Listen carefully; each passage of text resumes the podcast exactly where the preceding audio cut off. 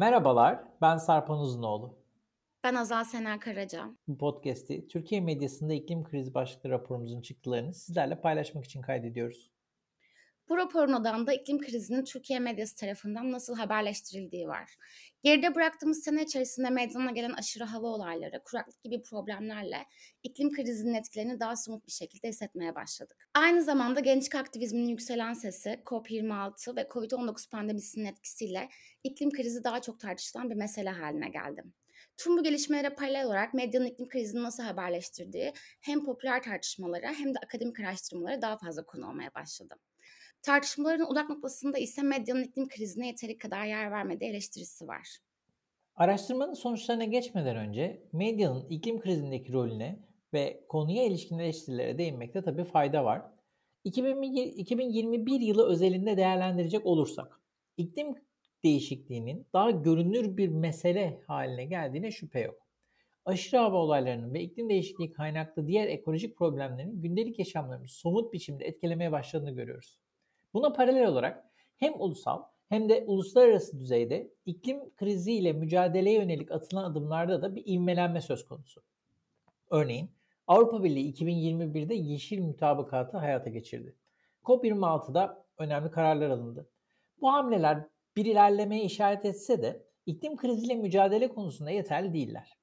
Yıkıcı etkileriyle tüm ekosistemi, insan yaşamının yanı sıra hayvan ve bitkileri de derinden etkileyebilecek büyük bir krizle karşı karşıyayız. Ki bu yüzden artık iklim değişikliği değil, iklim krizi diyoruz. Medyanın iklim krizi karnesini de konunun bu boyutuna bakarak değerlendirmek gerekiyor aslında. Yani bir ilerleme söz konusu fakat yaşadığımız krizin boyutunu göz önüne aldığımızda iklim krizine ayrılan gündemin oldukça yetersiz olduğunu görüyoruz. Medyaya getirilen eleştirilerle birlikte medya profesyonellerinin de okuyucuları eleştirdiğini görüyoruz.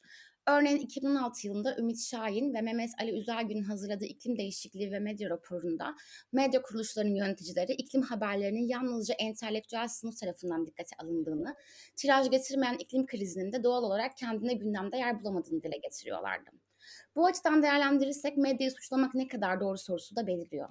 Aslında iklim krizinin niçin gündemde olmadığına ilişkin tek bir aktörün ya da grubun ilgisizliğinden ya da sorumluluğundan bahsetmek mümkün değil. Örneğin Türkiye özelinde değerlendirdiğimizde ön açıcı iklim politikalarının olmayışı, yoğun politik ve ekonomik gündem, iklim krizinin gündem dışına itilmesinde oldukça belirleyici.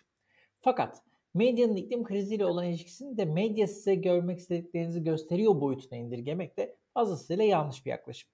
Nitekim hepimizin bildiği meşhur gündem belirleme işlemine göre medya insanlara ne hakkında düşünmeleri gerektiğini söylemekte şaşırtıcı bir oranla başarılı. Bu açıdan değerlendirdiğimizde medyanın belli bir konuya artan ilgisi, halkın ilgisini, dolayısıyla da siyasi sistemin konuyu ele alma olasılığını artırıyor. Üstelik medyaya iklim krizi bağlamında getirilen eleştiriler iklim krizine ayrılan gündemin yetersizliğiyle de sınırlı değil. Çünkü medya sadece ne hakkında düşüneceğimiz değil, ne düşüneceğimizi de belirleme işlevine sahip. Çoğu insanın iklim krizine ilişkin bilgisinin tek kaynağının medya olduğunu dikkate alırsak medyanın rolünü daha da iyi kavrayabiliriz. Bu noktada doğru bilgilerin verilmesi, karmaşıklığın aktarılamaması, kutup ayıları, buzullar gibi ikonografilerle konunun bağlamından uzaklaştırılması, haberlerde belirsizliğin ön plana çıkarılmasıyla inkarcılığa kapı aralanması gibi problemler iklim krizinin içselleştirilmesini ve toplumsal farkındalığın oluşmasını engelliyor diyebiliriz. Türkiye medyasına odaklandığımızda bu sorunlara medyanın çeşitli yapısal problemleri de eklemleniyor tabii.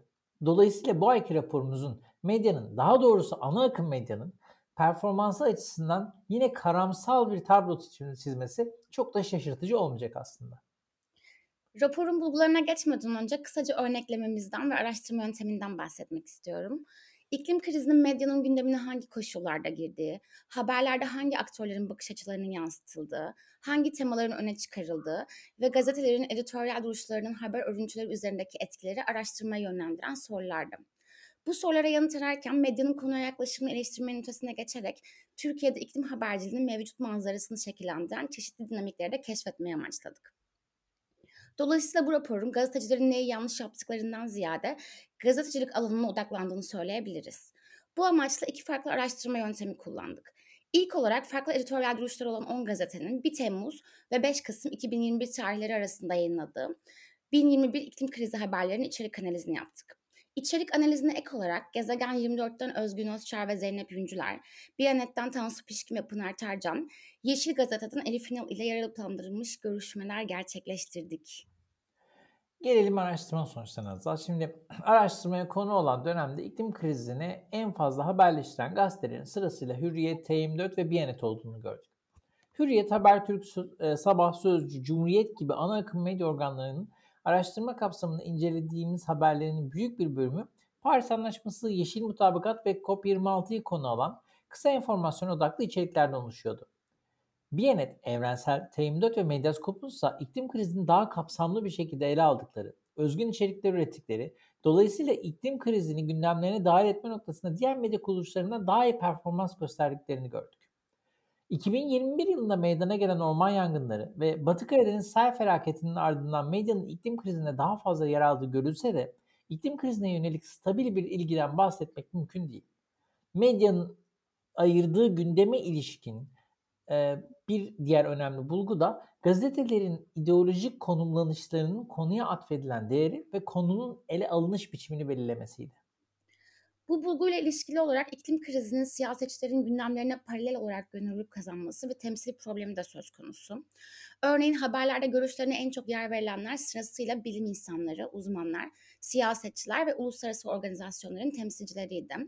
Evrensel ve Biyanet dışındaki platformların aktivist ve STK'ların görüşlerine yeteri kadar yer vermediklerini de gördük. Haber kaynağı ve temsil çeşitliliği açısından en kötü performans gösteren haber siteleri ise Yeni Şafak ve Sabah'a aitti. STK ve aktivistlerin görüşlerine yer vermeyen Sabah ve Yeni Şafak'ın başlıca haber kaynağının Cumhurbaşkanı Recep Tayyip Erdoğan olduğunu da söylemek mümkün. Şaşırtmıyor. Ee, incelediğimiz haberlerde de en sık görülen çerçeveler bir meseleye ve probleme neden olma ve çözme sorumluluğunu hükümete, bir bireye veya gruba atayan sorumluluk çerçeveleriydi aslında. Haber medyasının sorumluluk çerçevesinden sonra en sık kullandığı çerçeve ise iklim krizinin doğuracağı maddi yararlar ve maliyetler bakımından anlatan ekonomik sonuçlar çerçevesiydi. Özellikle hükümete yakın medya kuruluşları ve merkez medyanın iklim krizini Paris Anlaşması ve Yeşil Mütabakat'ın Türkiye'ye sağlayacağı maddi kazançlar doğrultusunda haberleştirdiğini gördük.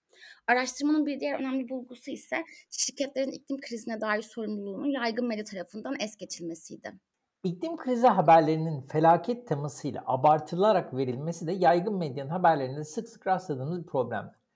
Araştırma kapsamında incelediğimiz haberlerin %15'inin felaket teması etrafında haberleştirildiğini gözlemledik. Bu haberlerde sıklıkla kutup ayısı, eriyen buzullar gibi ikonografilerin kullanılması da e, okur iz, ya da izleyicilerin iklim krizini içselleştirmesini zorlaştırdı ve eko anksiyeteyi arttırarak iklim krizine olan ilgiyi azalttığı için bize göre bir sorun teşkil ediyor. Aslında hem içeriye hem de medyanın ayırdığı gündeme baktığımızda iklim krizinin Türkiye medyası için başlı başına bir kaygı konusu ve odak noktası olduğunu söylemek oldukça zor görünüyor. Daha geniş bir perspektiften değerlendirdiğimizde ise Türkiye'de iklim haberciliğinin gelişmemiş olduğunu görüyoruz. Evet hem iklim krizi haberlerinde karşılaştığımız sorunların hem de genel anlamda iklim haberciliğinin gelişmemesinin çeşitli nedenleri var.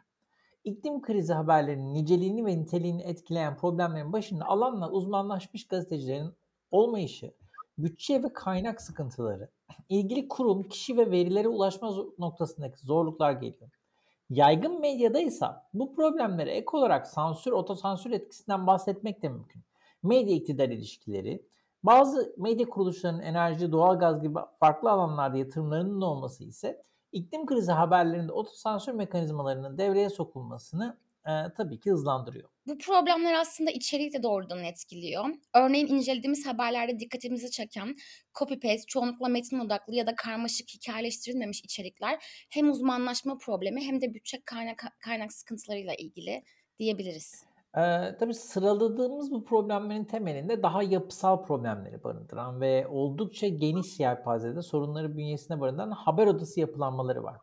Nitekim araştırma kapsamında görüştüğümüz isimlerin haber odalarına ilişkin getirdiği başlıca eleştiriler de yöneticilerin iklim krizine değer vermemesi, dolayısıyla iklim krizinin bir odak noktasına dönüşememesi ve editoryal politikaların e, eksiklikleri şeklindeydi. Editoryal politikaların yokluğunu sadece haberlerin kalitesi veya sıklığından değil, tercih edilen kavramlar üzerinden de okumak mümkün aslında. İncelediğimiz haberlerde iklim değişikliği, iklim krizi, küresel ısınma kavramlarının birbirleri yerine kullanılması, daha doğrusu konuya ilişkin net bir kavram tercihinin olmaması editoryal politikaların eksikliğini net bir şekilde ortaya koyuyor. Öte yandan alternatif medyaya baktığımızda umut vadeden gelişmeler de görüyoruz. Tüm bu yapısal problemlere karşı medyanın bir değişim başlatması mümkün olabilir mi sorusu da beliriyor bu noktada.